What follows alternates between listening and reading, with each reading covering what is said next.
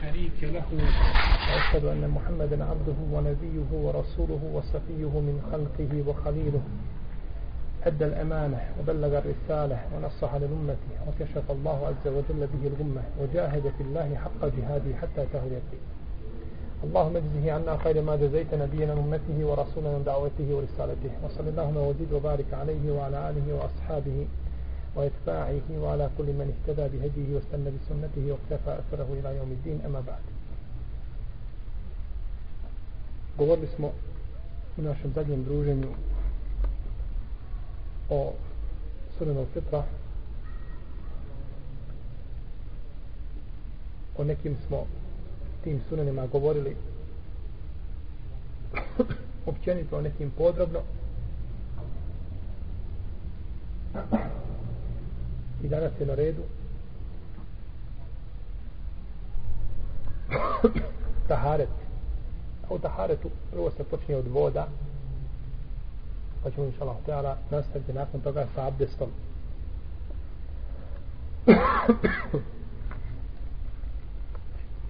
Samo dvije vrste voda. Imamo vode koje su čiste.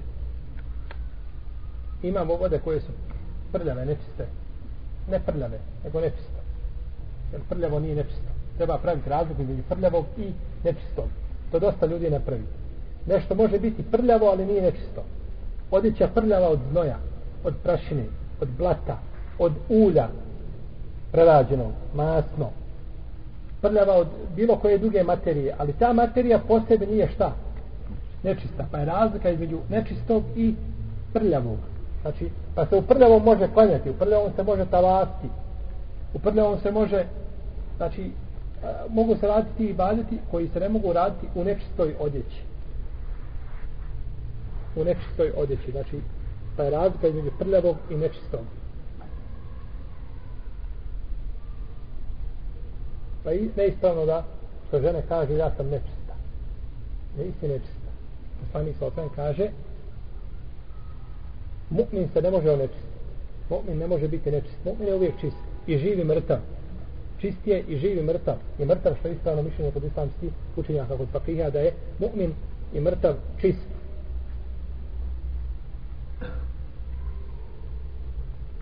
čista voda وينزل عليكم من السماء ماء ليطهركم به سوري الانفال kaže Allah te barake o ta'ala ispusta vam vodu čistu vodu da vas njome očisti a u suri Al-Furqan kaže وَاَنْزَلْنَا مِنَ السَّمَاءِ مَاءً طَهُورًا i mi sa neba spustamo čistu vodu pa je znači voda koja pada sa neba je čista može biti u obliku kiše a snijega leda grada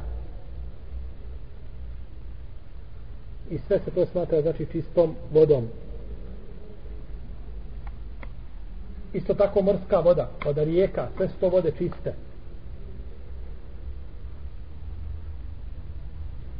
Poslanik sallallahu sallam kada je upitan za had, o, o morskim vodama kada je upitan kaže o moru huwa tahuru ma'uhu el hillu mejtetuhu. Morska voda je čista a ono što je iz mora je mrti, mrtvo, jeli, lešina je halal za jest. Kada je imam neovi pitan o ome hadisu, zašto je Allahov poslanik? On je pitan o moru, o morskoj vodi je pitan. Čovjek na moru može sad s morskom vodom. Zašto je Allahov poslanik govorio i ono što je u moru možeš jesti? Kaže, imam neovi prvo, kaže, ovo je hal ovaj učenjaka koji se preleva od znanja. Pa ti dadne i ono što ga ne pitaš, ono što ga pitaš jednostavno na elektrisan i onda kad ga upitaš prste, dadne ti i ono što pitaš, svašta te nešto od hajra zadesi. A drugi kažu, Allahu poslanik, sallallahu alaihi wasallam, je upitan o hadisu, u hadisu, kakva je morska voda, je li čista za abdest? Pa je kaže, pretpostavljao da će nakon izvjesnog vremena taj isti čovjek ili neko drugi upitati, dobro, a šta je sa ribama koje su mulo mrtve? Pa je odmah, kaže, odgovorio sve, da se nakon toga ljudi ne pate i da ne pitaju da znaju propis sallallahu alaihi wa alaihi wa sallam to je blagodat Allaha da barake wa ta'ala znači da je ono što je iz mora, što se izvadi, da je halal mrtvo. Međutim, ovaj džahil od muslimana ne znam ovaj propis pa napišu na ribama zaklana po islamskim propisima. To sam gledao u konzervama, piše na arapskom jeziku zaklana po islamskim propisima. Samo da nam kaže kako to riba kolje po islamskim propisima. I u čemu je razlika? Znači riba je i drugo halal. Može se znači s ovim stvarima uzeti abdest. Čovjek najde gdje najde pored rijeke, pored vode, uzima abdest. Ne gleda ima li tu jedino da zna, malo dragi, da čovjek zna da je to rijeka u kojoj se izavaju kanalizacije. Ne znam ima li to, to zakonski dozvoljeno, to vi možda bolje poznajete, ali uglavnom gdje rijeka izlazi kanalizacija otvore i zna se da tu ide, onda tu čovjek treba izbjegavati, jer sigurno da lahko može biti znači nečisto. A što se tiče drugih voda, čovjek gdje dođe, uzima, to je čisto bunari, rijeke, potoci, sve je to čisto, znači, i ne treba, i ne treba pitati, ne treba provjeravati. Dozvoljeno je uzimati, znači, abdest, dozvoljeno je uzimati abdest sa snijegom. Sa snijegom je dozvoljeno, dozvoljeno uzimati abdest po mišljenju šafijskih i ambelijskih učenjaka i drugi, no međutim postavljaju uvjet da snijeg mora biti u tečnom stanju, odnosno mora se istopiti. Mora teći. Ne može uzeti samo snijeg i trljati po ruci, kažu pa krihi, to nije ispravan abdest. To nije ispravan abdest, zato što je, zato što nije, nije to voda. Jer abdest se uzima vodom, pa znači ako se snijeg istopio ili kiša i tako dalje, u tome stanju, s tim se može uzeti abdest. Taman da u vodu dođe nešto od čistih primjesa. Od čistih primjesa. Primjesa mala količina neće se smatrati znači to onečišćavanje vode. Jer se navodi u hadisu koga bližva vam Nesai i Mađe koji je vjerodostojan da je poslanik sallallahu alaihi wasallam gusulio se sa mejmunom iz jedne posude a u njoj je u njoj su bili tragovi tijesta. Znači, bili su tragovi tijesta i to nije smetalo. Znači, jer ta, e, ti tragovi nisu promijenili, nisu promijenili svojstvo vode. Ona je, znači, dalje ostala voda. E jedino ako bi se pomiješalo nešto u vodu od čistih stvari, Ja govorim o nečistim stvarima, to nećemo govoriti, to je stvar jasna od čistih stvari ako se pomiješa nešto u vodu što bi potpuno promijenilo njeno svojstvo i odvojilo od nje naziv voda. Kao na primjer čaj. Kad uzeli vode i prokovali i stavili u nivecicu čaja, to je šta? To više nije voda, nego je može s time abdest. Ne može. Može li se abdesti sa pantom? Ne može. Zato što je ona šta? Ne jeste glavni dio je tu voda. No međutim, ta voda je promijenila svoje šta svojstvo. Možemo laditi sa kiselom? Možemo sa kiselom. Ali ako kiselu razblažimo sa sokom, možemo? Ne možemo, zato što je promijenila šta? Svojstva. Znači, bitno je, jer voda kisela voda, ona tako izdire, ona je voda. I ona je čista. I ona je to što ona kisela, to smeta, to nije.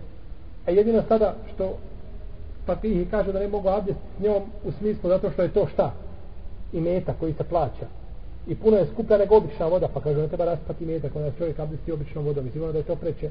Međutim, ona je u, smi, ona je u svojoj osnovi voda i može sa njom abdestiti, ali ako se pomiješa nečim, onda gubi to svojstvo čega? Vode pa biva ili sok, ili čaj, ili ovo i ono. Pa znači, kada promijeni to svojstvo, nakon toga više ne može poslužiti kao a, znači, kao čisteća, ali tako. A ona je čista, ali nije čisteća. Pa može biti čista, a da nije čisteća. A može biti čisteća, a da nije čista? Ne može. Ne može. Kako ćeš očistiti sa nečistim? Tako. Može biti čista i mora biti odmah i ne mora biti čisteća. Ako je čisteća, odmah ona i čista. Isto tako, ali nije dozvoljeno da čovjek uzima abdest sa vodom, recimo, koja bi se iscijedila iz drveta. Znate da u drvetu ima u stablu, ima voda koja se cijedi. Ili, jer to više nije ona klasična voda o kojoj govorimo. To je znači posebna voda koja je izišla, znači, iako bi bila bezbojna, bezbojna i tako dalje, ne smatra se to, ne smatra se to vodom. U svakom slučaju da ne govorimo sirće, sirće, sirćitom se ne može čovjeka biti, tako? Znači, kad ne bi imalo to svojstvo da nagriza, opet ne može zato što nije voda, nego je to izišlo, znači, iz okvira vode. Imamo nečistu vodu, a to je voda e, koja promijeni jedno od tri svojstva. Ili boju, ili miris, ili okus. I u tome je smislo došao hadis kod imama El Bejheteja koji je dair. Koji je dair. Kako onda ulema može koristiti ovaj hadis za dokaz. Ko će mi kazati? Hadis je daje. A ulema koristi hadis za dokaz. Kako mi možemo ovaj hadis koristiti za dokaz? A on i. Ko će mi kazati? Molim? E, je džma? El i džma da se ulema složila na ispravnost ovoga propisa i da, da uzimaju ovaj hadis. Iako je hadis neispravnog lanca prenosilaca, ali je hadis ispravan u značenju. Da znači, kada voda kada voda promijeni svoje miris ili svojstvo ili okus, biva šta? Ne biva čistoća. Nije čistoća. Nije čistoća. Sada govorimo o nečistim vodama kada voda promijeni svoj miris ili okus ili svojstvo šta biva? Nije voda. Nije više voda. A jeste voda, samo je nečista. Ali ovo ne ispravan izraz. Pa da je zbog toga brat rekao da je da nije čisteća. Neispravno je kazati kada voda promijeni miris ili svojstvo ili okus biva nečista. To je pogrešno. Kad ubacimo zemlje u vodu, je li promijenila svoju boju? A je ona postala nečista? Nije. Znači trebamo kazati.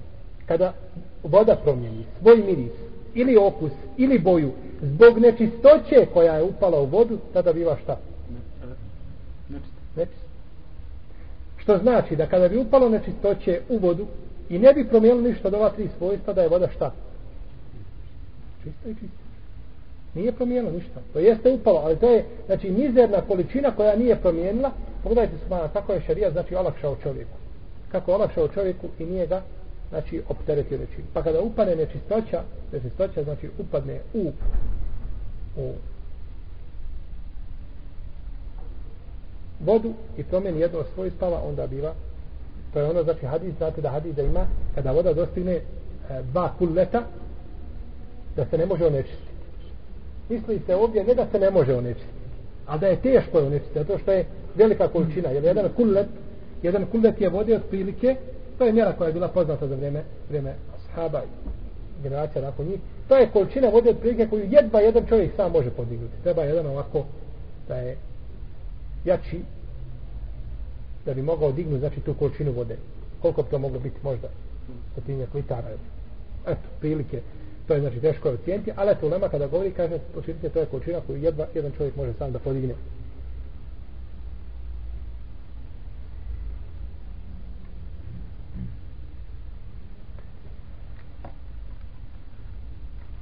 Znači voda koja je nečista nije dozvoljena sa njom da se čovjek abdesti. Voda koja a, pada sa dijelova tijela nakon abdesta. Jer ona čista. Čovjek se abdesti i ruka mu i lica čisto. Nema nečistoće na tijelu pa se abdesti. I to sad što je pravo, je li ta voda što se kaže u fikhu, terminologiji, el maul mustamel, korištena voda, je li ona čista ili je nečista? Ona je čista. U svakom slučaju tu postoji znači razilaženje među islamskim učenjacima. Kažemo ona ako Bog da čista, to se promijeni šta? Jedno tri svojstva. To je pravilo koje vrijedi ovaj za ostaje znači čista i može biti znači i u jednoj čisteća. Pa znači kad neko uzeo abdest jednom vodom, mogo bi se taj abdest šta ponoviti dugi čovjek recimo da nema vode, nestašta vode i tako dalje. Mi to danas ne osjetimo. Ovaj. Jednostavno živimo u takvom vremenu i Allahom je blagodatima u kojima čovjek ne osjeti nestašicu ni vode, ni hrane, ni ničega dok nekada znači u,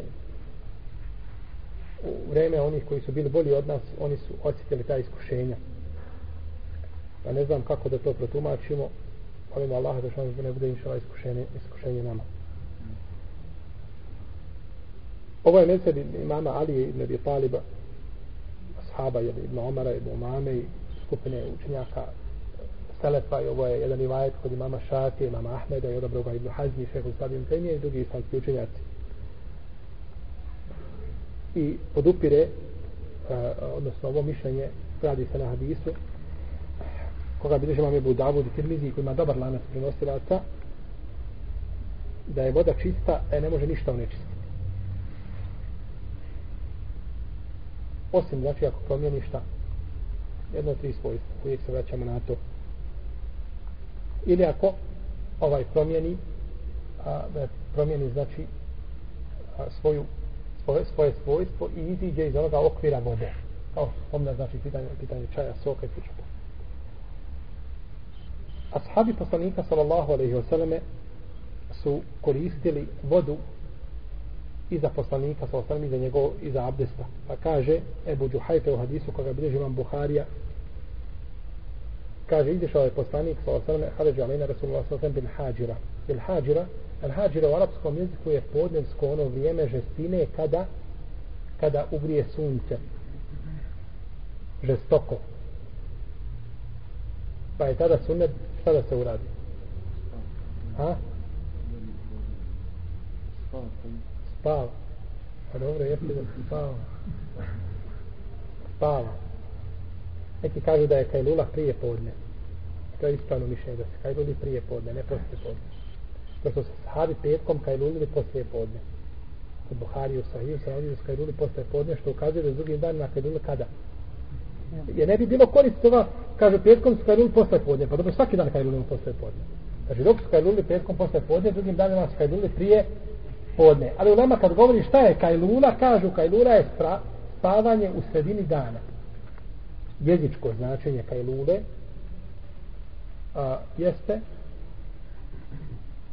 kale je kilu jer u arapskom jeziku je spavati u sredini dana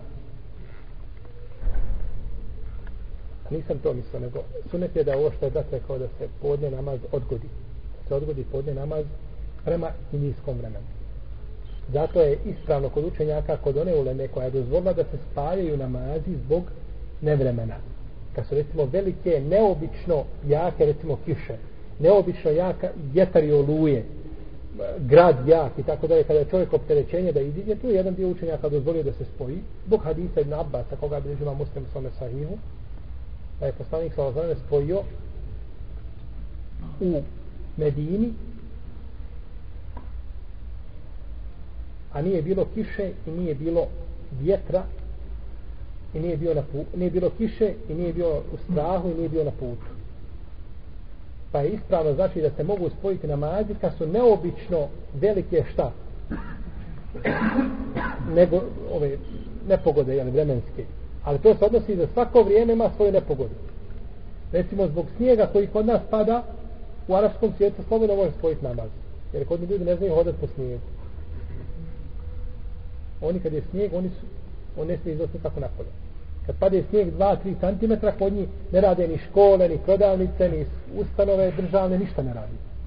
Dok kod nas pola metra snijeg, djeca se naučila da idu u školu i da prte, tako? Pa znači svako podneblje ima šta svoje okolnosti koje, koje, koje su specifične za to podneblje i ljudi gdje stalno pada kiša, nauču za njih kiša u Maleziji, recimo, stalno pada kiša, samo kiša. Ljudi se ne znam kako da je kiša, za njih to normalno. I za je nenormalno kad nema kiša To tako, zato što učili ljudi. Tako i a, ulema koja kaže da je to spajanje namaza dozvoljeno, postoji raziloženje. U hadisa kaže, braće, da je poslanik sa osnovne spojio sedam i osam da je spojio sedam i osam u Medini. Skoro mi dođe jedan brat, sam bio u jednom žematu, van Bosne, kažem, jedan mi kaže, brat reče, kaže da ima, kaže, sahih, kaže, hadis, kod muslima da je Allah poslanik spojio, kaže, sedam ili osam dana da je spajao u Medini bez razloga. A od se kaže sedam i osam spojio. Na osam se mislio spojio podne i kindiju. Po četiri, to je koliko? To je osam. A na sedam se mislio na akšan i na jaciju. Tri i četiri, sedam. Kaže, spojio kad je sedam ili osam dana, spojio Allahu, pa to je, to je po, po, podržavanje šitskog mezeba koji spajaju namaze bez ikakvog opravdanja i bez ikakvih razloga i tako dalje. Znači, to u šarijetu nije. To je Allah poslanik jedan put učinio u Medini i nije spojio sedam osam dana, nego spojio podne i kindiju akšan i jaciju. Tako je značenje hadisa. A nije znači da je spavio sedam ili osam dana. Nije da je spavio sedam ili osam dana. Znači što je lahko pogrešno shvatiti šta? Šarijetski tekst. Kao onaj što je došao pročitao hadis poslanika sallallahu sallam u kome kaže Iza tejte salate, bileš ga imam tabrani, jebu Dawud i drugi, ovo je tabrani na verzija, kaže, iza tejte salate fe tiha bi waqarin wa sakine فما أدركت فصلي وما ف... فصلي ما أدركت وقد ما فاتك kada pođeš u džamiju idi dostojanstveno i smireno pa šta stigneš klanjanja šta te promaši naklanja a on je mjesto riječi sekine što znači smireno pročitao sikine a sikine znači nož dođite smireno sa nožem i on je nož zapasi u džamiju kad je došao u džamiju šta je to kaže sunnet Sunnet kaže Allahov poslanik kaže od izgleda se ponese nož kad se pože u džamiju to je znači tako i ovo. Ulema znači koja je dozvolila spajanje to Allah poslanik uradio znači jedan put i mora biti opravdanje zato što je Nabas rekao htio je poslanik sa svem nije htio da oteža svome umetu. Pa je znači bila bio nekakav razlog ili poteškoća zbog koje Allah poslanik to uradio ali nije Ibn Abbas spomenuo tu poteškoću nije spomenuo Ah, što smo rekli? Izišao je poslanik sa osvijem kod nas u podne. Velika žega kada je bila, tada je sunet. I zato jedan od razloga za spajanje namaza je li, je li žega? A? Nije. Rekli smo sad da se pri žegi namaz šta? Od, odgađa da, da Pa žega kad neko rekao pa dobro, ako je velika kiša, onda je velika žega da je temperatura, na primjer, kao što zna biti negdje 55 i 60 čak stepene dostigne recimo u zemljama Halidža. Kažemo i to razlog. To čovjek treba ići pu, kažemo jeste ali je ovdje sunne da se namaz odgodi da se spoji. Jer je tako došlo sunnet poslanika sallallahu sallam. izišao Allahu poslanik pitao hadis izišao Allahu poslanik sallallahu sallam, koga bližava Buharija. Jedne prilike znači kada je bilo vrijeme to podne velike žege pa je zatražio abdes onda zatražio vodu za abdes el vodu u arapskom je šta voda za abdest. El we, wudu sa fethom, a el wudu, el wudu to je postupak uzmanja abdesta, pranja lica, ruku, nogu, jel? A el wudu, kada daj mi, daj mi el wudu, to je znači donesi mi vodu da uzmem abdest. Pa je uzeo abdest, kaže, pa su ljudi, kaže, uzimali ono što je kapalo sa njegovog tijela i mazali se po svome tijelu. Zbog bereketa zbog bereketa, zbog bereketa. Kaže Ibnu Hajar i ome je dokaz, kaže Petul Bari, ome je dokaz, ome hadisu je argument, da je voda koja pada sa tijela nakon apresta da je šta? Čista. Mi se tu ne razilazimo da je čista. Ali je li čisteća? Tu je, znači, spod među lemom. U redu. U drugoj predaj kaže Ebu Musa, Musa uh, Lešari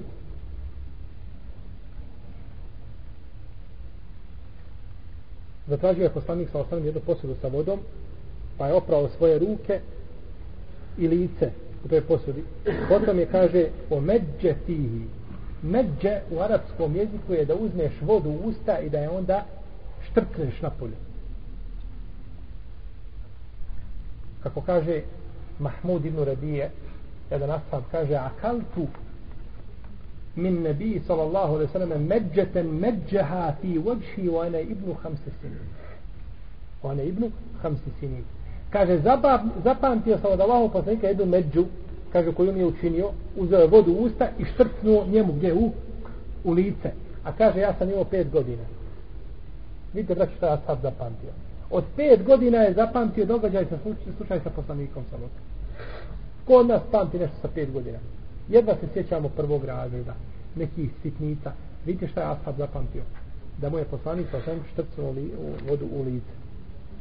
Kaže, rekao je e, Ebu Musale Lešariju i Bilalu, nakon te vode što je znači oprao lice i ruke u toj vodi i štrcnuo vodu li, jel, u tu, iz usta svoju tu posudu, kaže pijte, kaže iz ove posude i posipajte, kaže po svojim a, glavama i po svojim bratovima. Po svojim bratovima, znači po svojim glavama. I imate hadis koga isto bili živan Buhari u svojom sahihu od Ibn Mahreme da je rekao kada bi poslanik sa osvijem uzimao abdest, kaže ljudi skoro da bi se kaže tukli za vodu koja pada. Skoro bi se tukli u predajima se navodi kaže kada bi kada su govorili o Allahom poslaniku kada su ga opisivali Ured ime Saud i drugi koji su dolazili da vide kako to se Muhammedovi ashabi opode prema njemu kaže subhanallah ne može pljunti kaže da već nečija ruka nije dole uhodla kaže pljuvačku. I mažuje po svome tijelu. U drugoj predaji se navodi kaže kada bi poslanika sa vasem šišao hađam jeli na, na, na hađu ovaj kažu ne bi dlaka jedna pala na zemlju da je neko ne buhati ušao sve ruke ispod dole samo čekaju da koja padne i ušao jer sve što je od poslanika to ostane bere, beričetno. I od toga se može tražiti beričet za razliku drugih ljudi. Od dlake poslanika od odjeće, recimo da je nešto ogrnuo ogrtač. Jedne prilike jedan ashab je vidio poslanika sa osvijem došao mu jedan čovjek i dane mu ogrtač. I Allah poslanika ogrnu odjevnu ga na sebe. Kaže Allah poslanika daj mi ga. Allah poslanik skine i dadne mu. I ovi odmah sahabi na njega kaže kako možeš tražiti? Znaš da Allah poslanik nikad nije ništa odbio kad se zatraži. Šta god nikada u hadisa se ovdje kaže nikada nije rekao ne. Nikome. Sad pa te reći nikada ne reći nekome ne. Djevojčica ga mala uzme za ruku i vodi ga na kraj tamo Medine da mu nešto pokaže. I on sa njom ide i hoda. I vrat. Nikada nije rekao ne. Svatate to? I dade mu taj ogrtač. I ovi ashabi ga počeli koristiti, kaže, tako mi Allaha, kaže, ništa, kaže, nisam svojim ciljom, nego kaže da me, kaže, umotaju u njega, kaže, kad umrem. Kaže, to je moje bio nijeti i lijep mu je bio nijet. Kaže, Allahu anhu. Pa su, znači, čekali, tu su, znači, vodu su čekali i mazali je po svome tijelu. Za razliku od drugih, što recimo neki smatraju da danas dobri ljudi, šehovi, ovi, oni mogu da se oisto bereket može učiniti. To je neispravno. Ne može se bereket tražiti ni od koga od dobrih ljudi nakon poslanika sallallahu alaihi sallam. Pa da se i od koga bereket mogu tražiti, mazao bi se Ebu Bekr, evo Omar po Ebu Bekru, tako? I a, Osman po Alija po Osmanu, nisu to radili. Niti smo čuli da je Sa'id ibn Mustajib koji imao 90 šehova od sahaba, da je dolazio kod nekoga da je gladio i da je mazio po svome tijelu. Nismo to čuli. Tako da je to tako da je to neispravno raditi i sa kim. A mi danas, koliko je poznato, braće, da ne imamo ništa od sunneta, od, od sunneta imamo sve od sunneta subha, ali ne imamo ništa od tragova koji su ostali od poslanika za osanem, da bi mogli da liče tražiti. Jedan mi brat priča kada je bio sa jednom skupinom ljudi koji pretjeruju tim stvarima, kaže, donio je, kaže, jednu posudu, kaže, u njoj je dlaka. Šejh dolazi sa avionom, to se čeka, to je ceremonija čitava, čeka se dlaka da dođe i kaže dlaka ljudi plaću, glade onu posudu. Posudu gladiš, e, unutra je dlaka, nego gladiš dlaka. Gladiš posudu, opet ništa. Tako. Molim? Dlaka. Pa ima dlaka svije. Ha? Ispravno je da nema, braćo, ništa od poslanika. U vremenu šehol Islama Ibn Tejmije, on je govorio, ništa nema od Allahog poslanika. Možete misliti. U njegovom vremenu kaže nema ništa. A šehu tamo da je umro 728. iđeske godine. A što ćemo mi danas kazati? I da ima nešto, ko je taj ko može, ništa ne prihvatamo bez seneda. Pa ja ću sutra donijeti čupera od dlaka i kažem ovo je dlaka od poslanika. I ko to može, ko to može dokazati? A nećemo da prihvatamo ništa bez čega. Bez dokaza, bez argumenta. Tako da je ispravno da nema ništa i da nije ništa ostalo, da je to sve prošlo. Podaću kada je došao uh, uh, Abide Salmani, kod kod ovoga kod Enesa, e, kod Ibn Sirina oprosti, kod Muhammeda ibn Sirina tabina. Kaže Muhammed ibn Sirin, mi imamo dlaku jednog poslanika, sallallahu alejhi Kaže da ja imam tu dlaku, bila bi mi draže, draža nego dunjalu, sve što na Dunjalog. U vremenu tabina, odmah, znači, e, e, a, a, Muhammed ibn Sirin je umro 110. iđeske godine. Možete misliti da u tome vremenu, već u početkom drugog iđaskog stoljeća, da su ljudi već govorili šta? Da su to smatrali nečim velikim, da toga nema, da je toga nestalo. Pa što mislite onda da mi kažemo u našem vremenu? Tako da ispano da toga nema ništa. I to je baš put ka širku. To je put ka širku. To je put ka širku i time se otvara jedna velika vrata koja je teško zatvoriti. Pa onda ljudi traže, znači, berektića da i onda počne, znači, neke stvari obožavati. Brat mi je pričao scene koje se dešavaju, da brat je, alhamdulillah, danas na menheđu i tako dalje. A međutim, kaže, nisam se nikad u životu ispakao kao što sam se tu ispakao. Ljudi plaću, došla, došla dlaka, vidite, smo više plaćiti da bi kaže živ bio od sunneta Allahov poslanika za je to i to i to vidiš ga u cijelom njegovom životu suprotno radi sunnetu a vamo kad dođe dlaka što mi se plaćući pa ne vrijedi to tako. Znači treba svoj život uskladiti sa sunnetom Allahov poslanika sa osreme i to ti je dovoljno. Vidio dlaku, ne vidio dlaku nije to znači uh, posebna odlika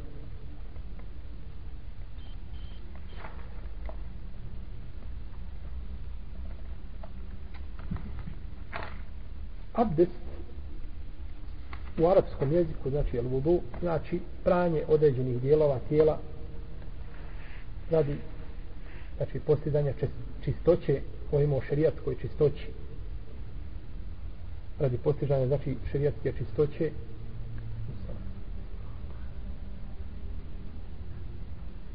koja je propisana Kur'anom, sunnetom i konsensusom islamskih pravnika. Uzvišen je Allah te barak tala kaže Ja ejuhan ladine amnu idha kumtu minas salati fagsilu uđuhekum wa idijekum minal marafik umsahu bi ruusikum wa arđulakum minal ka'bein. Ajet, znači u kome uzvišen je Allah te barak tala naređuje uzimanje abdesta. Ajet je vama ili svima poznato u vjernici kada želite namaz obaviti, operite svoja lica i ruke do laktova i po glavama svojim potarite i noge svoje do članaka okreta. Abdest je uvjet za ispravnost namaza. Kaže poslanik sallallahu alaihi wasallame La tukbalu salatu ahadikum iza ahdefe hatta je tevodba.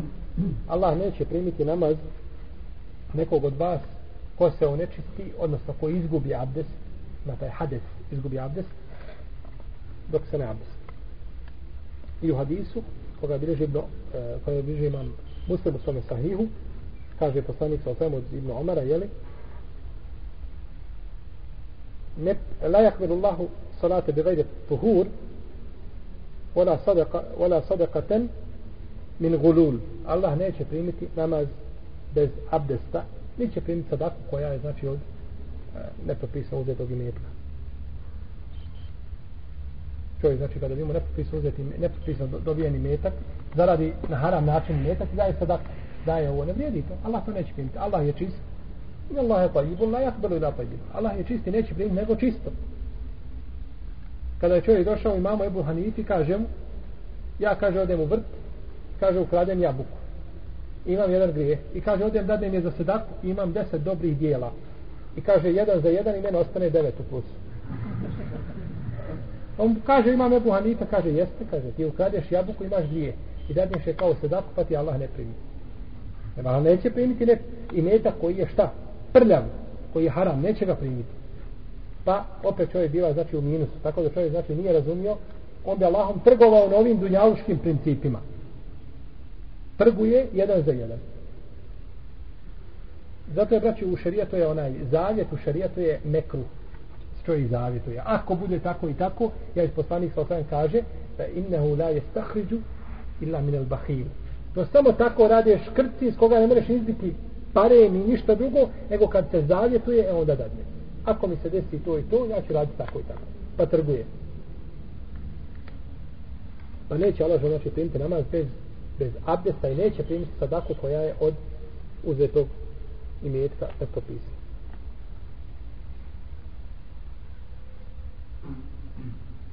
I kaže poslanik sallallahu sallam u hadisu koga bi ližavam tirmizi i drugi i nema umirtu bil wudu i da kumtu i nas.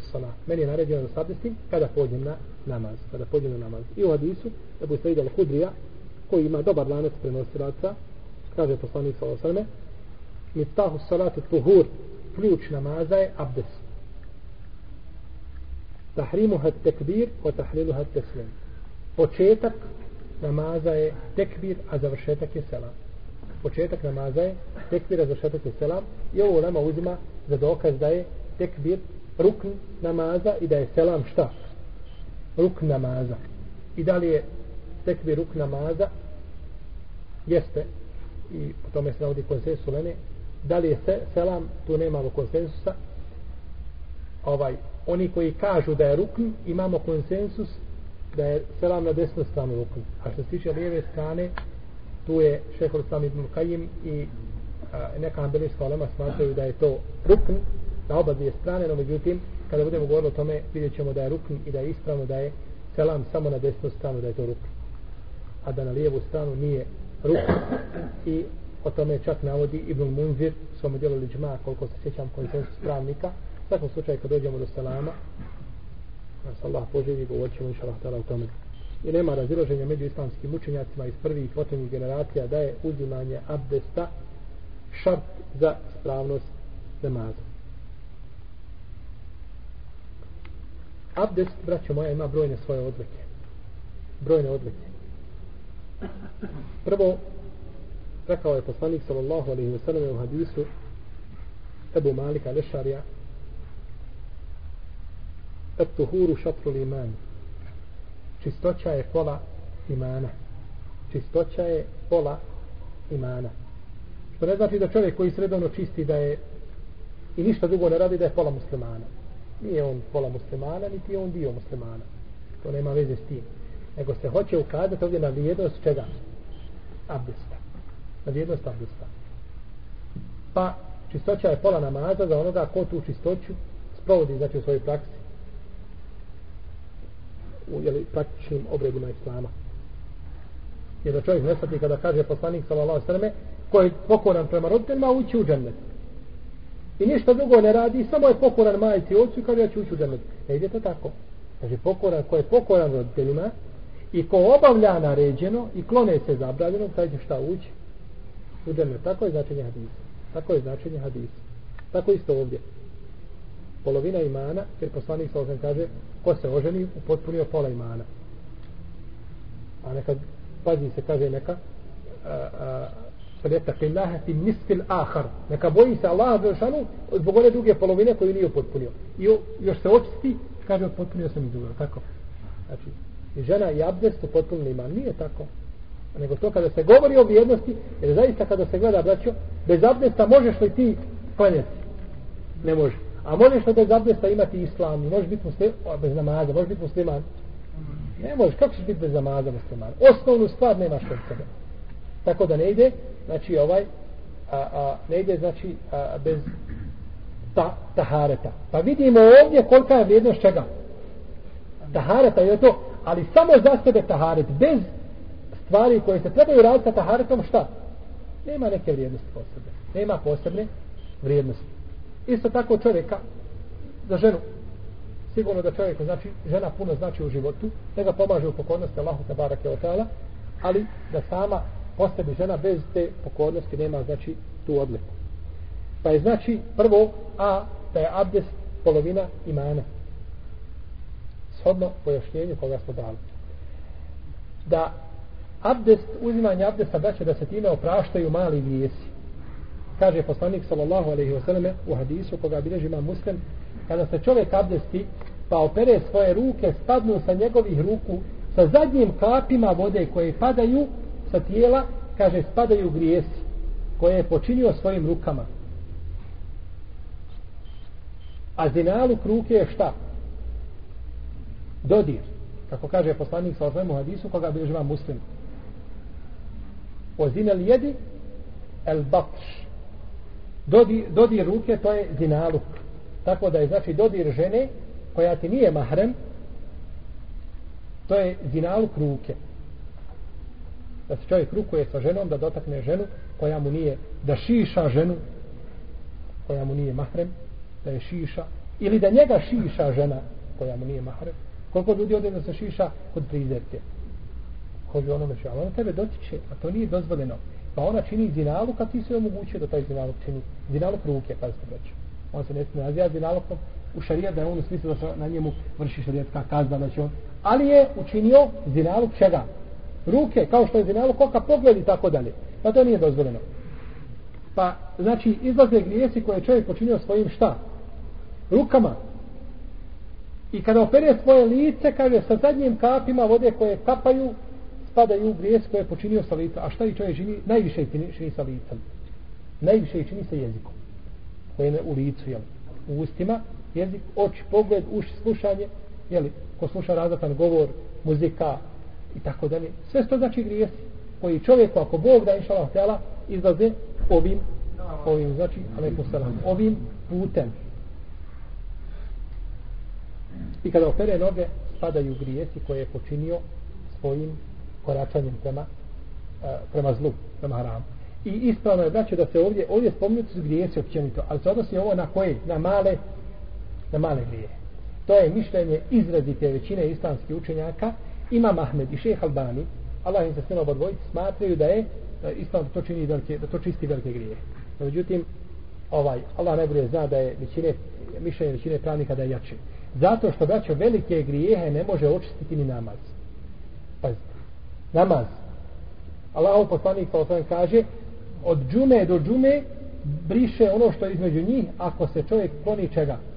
Veliki grijeha. Pa znači ako ima veliki grijesi da to ne može čisto od džume do džume, a džuma je jedan od namaza. Svatate. Tako da, ako namaz ne može očistiti, i došlo da od namaza do namaza da čisti, ako se izbine čovjek veliki grijeha. To znači da ne čisti namaz velike grijehe. A ako namaz ne može očistiti velike grijehe, e ne može očistiti ni hađ, ni post, ni, ni pa ni abdest. Tako da ispravno mišljenje se odnosi na koje grijehe? Na, na male grijehe. Na male, znači pod, pogled, dodir i tako dalje. To su sve znači mali grijeh. Znači, nemoj da neko shvati da je mali grijeh nekruh. Nije mali grijeh mekru. Mali grijeh je haram. Mekru je nešto drugo. Mekru u stvari nije grijeh. Svatate, u tom smislu mekru nije grijeh. Čovjek neće biti kažen za mekru. Mali grijeh je znači stvar koja je šarijatom zabranjena. Ali šta? Ko će mi kaži? Molim? Nema kazna. Kako nema kazna? Ma kazna. A nije došlo prijetnja? E, e, to, to hoću. Nije došlo u šarijatu prijetnja, sa vatrom džehennemom ili prokletstvom ili ovim ili onim. A kazna ima. Mali grijeh je da čovjek dođe da zagrli ženu da je poljubi stankinju. Da radi sve osim odnosa sa njom. I da kažemo onda zato nema grijeh. Ma grijeh. Ali nije u šarijetu došlo zato šta? Grijeh zato nije došao za taj čin. Ali je došao grijeh ko počini šta? Ne moral. Došao je grijeh da čovjek koji da čovjek koji ukrade, da mu je došla kazna na dunjalu.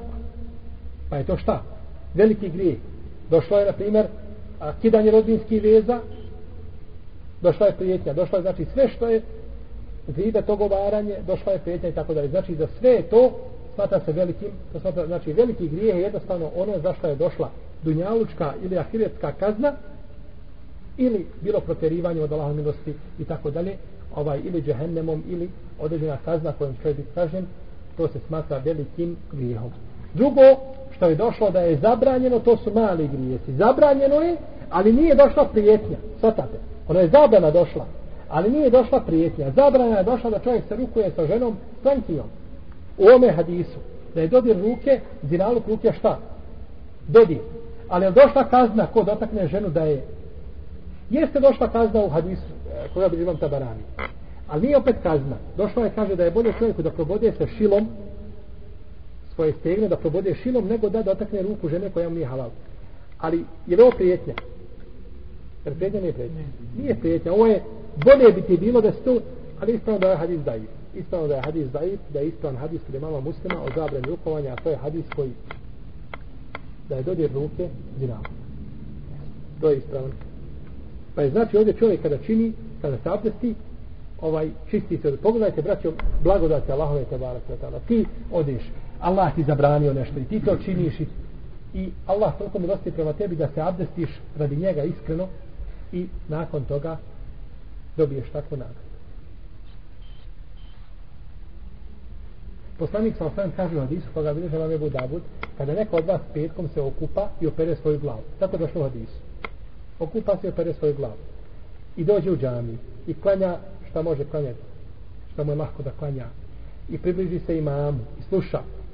Ha, sluša. Nema ovdje što nije zanimljiva hutba i što imam priča kako džemat kako je u krizi, kako, to tebe ne zanima. Ti si zadužen da slušaš. I nakon toga klanjaš, kaže za svaki korak koji učini prema džami i vrati se nazad ima po godinu dana noćnog namaza i godinu dana posta. Svaki korak koji su učinio nagradu kao da si godinu dana provio noćnog namaza i godinu dana da. Kaže u nama.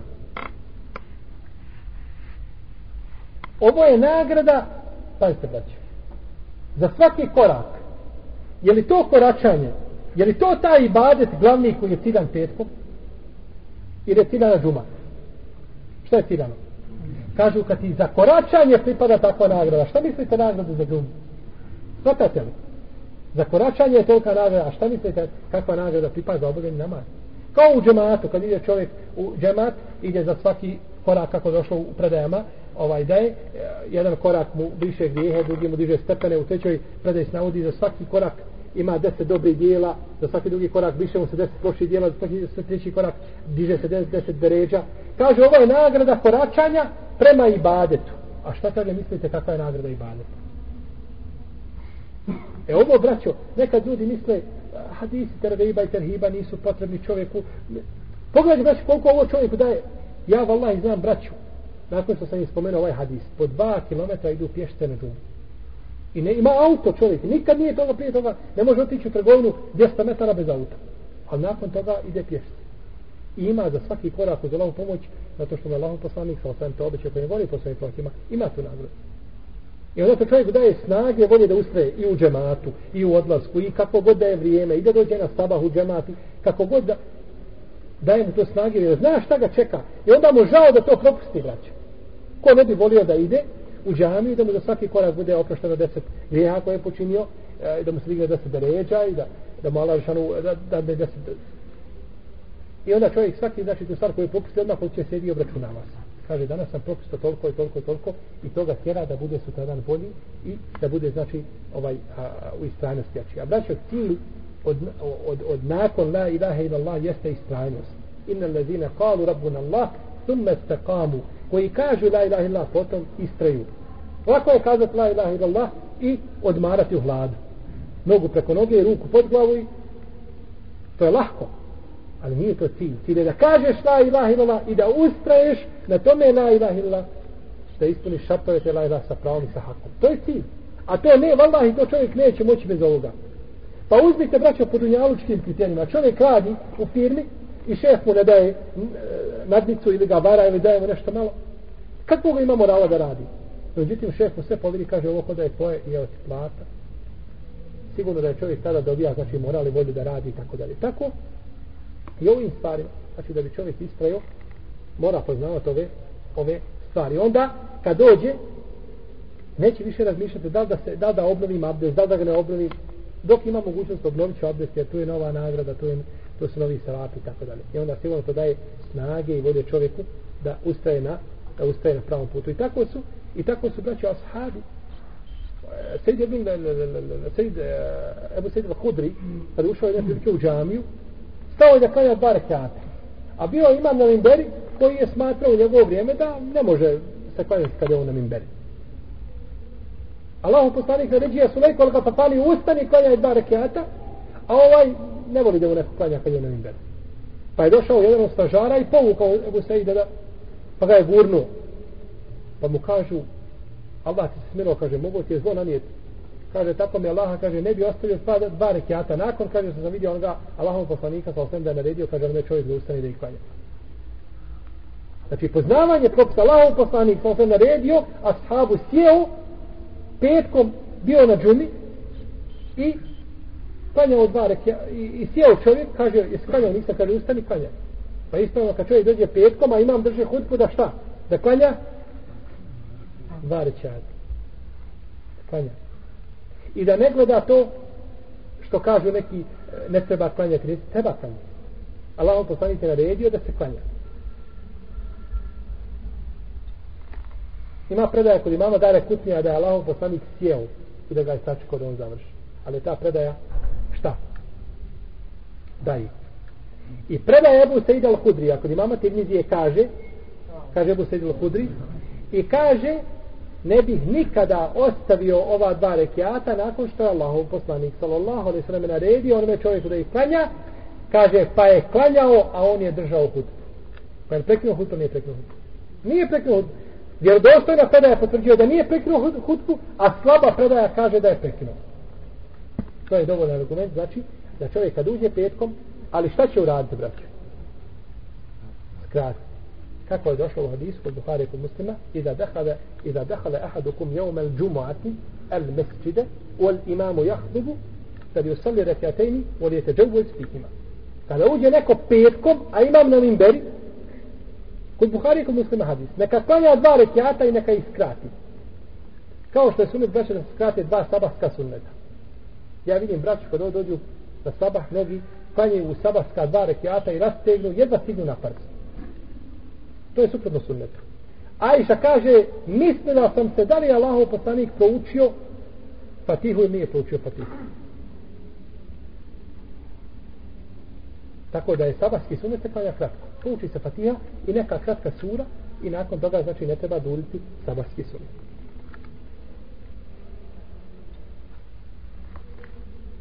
Kaže,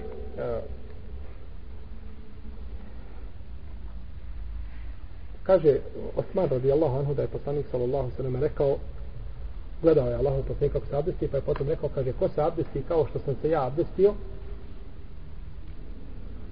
bit ćemo oprošteni prošle grijesi a kaže koračanje namaz u džematu i koračanje prema džami biva na fila na ovo je brać, koji su kazali Ibn Hađarova skalanje u svom djelu Fethulbari kaže koliko se sjećam davno sam to pročitao, kaže kolika je ovdje uzimanjem abdesta čistiš šta?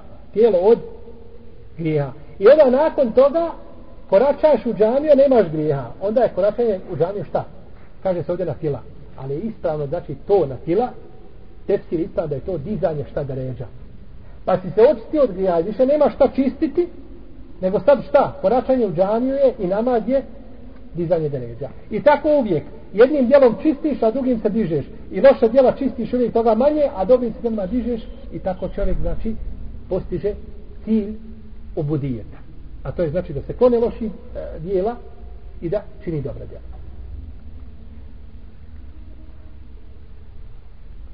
Kaže poslanik sa osvijem u hadisu isto u, u svojstvima opisima abdesta a, koga nam prenosi Osman radijallahu anhu kaže da je poslanik sa osvijem nakon što se abdestio rekao ko se abdesti na način kao što sam se ja abdestio na ovakav način, ovo je bitno, braćo, ko se abdesti kao što sam se ja abdestio.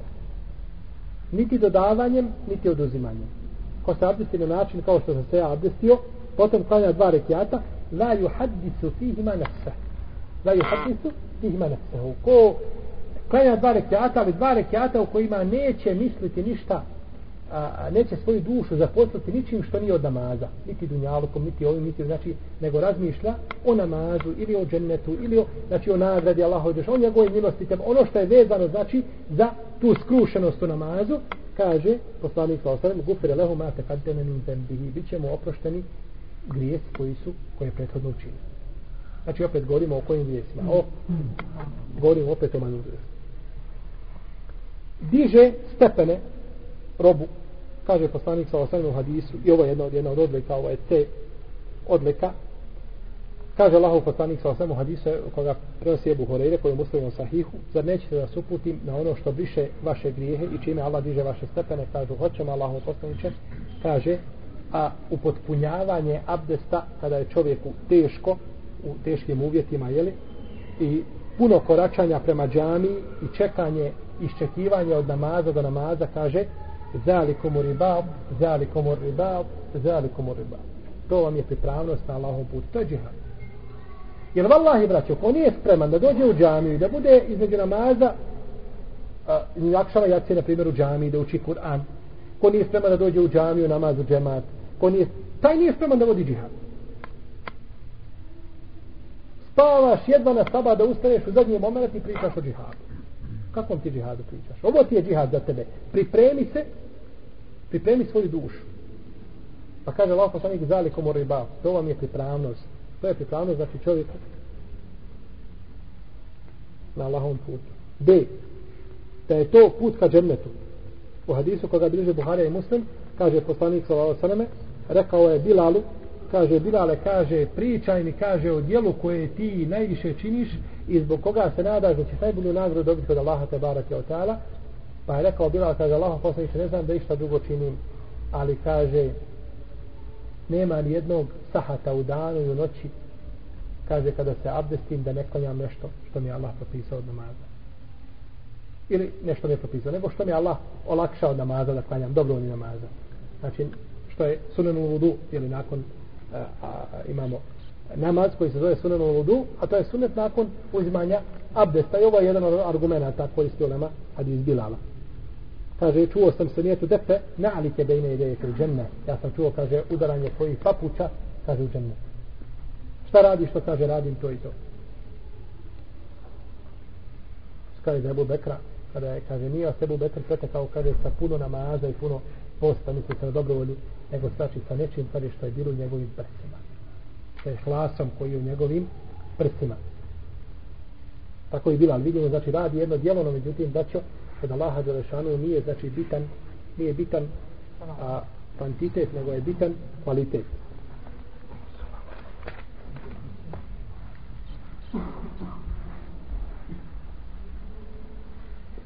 Pa ovo što pa ćemo završiti žalkama sa odlikama abdesta. U hadisu Ukbeta ibn Amira al-Džuhenija radijallahu anhu kaže, čuo sam poslanika sallallahu sallam da je rekao ko klanja, ko uzme abdest propisno?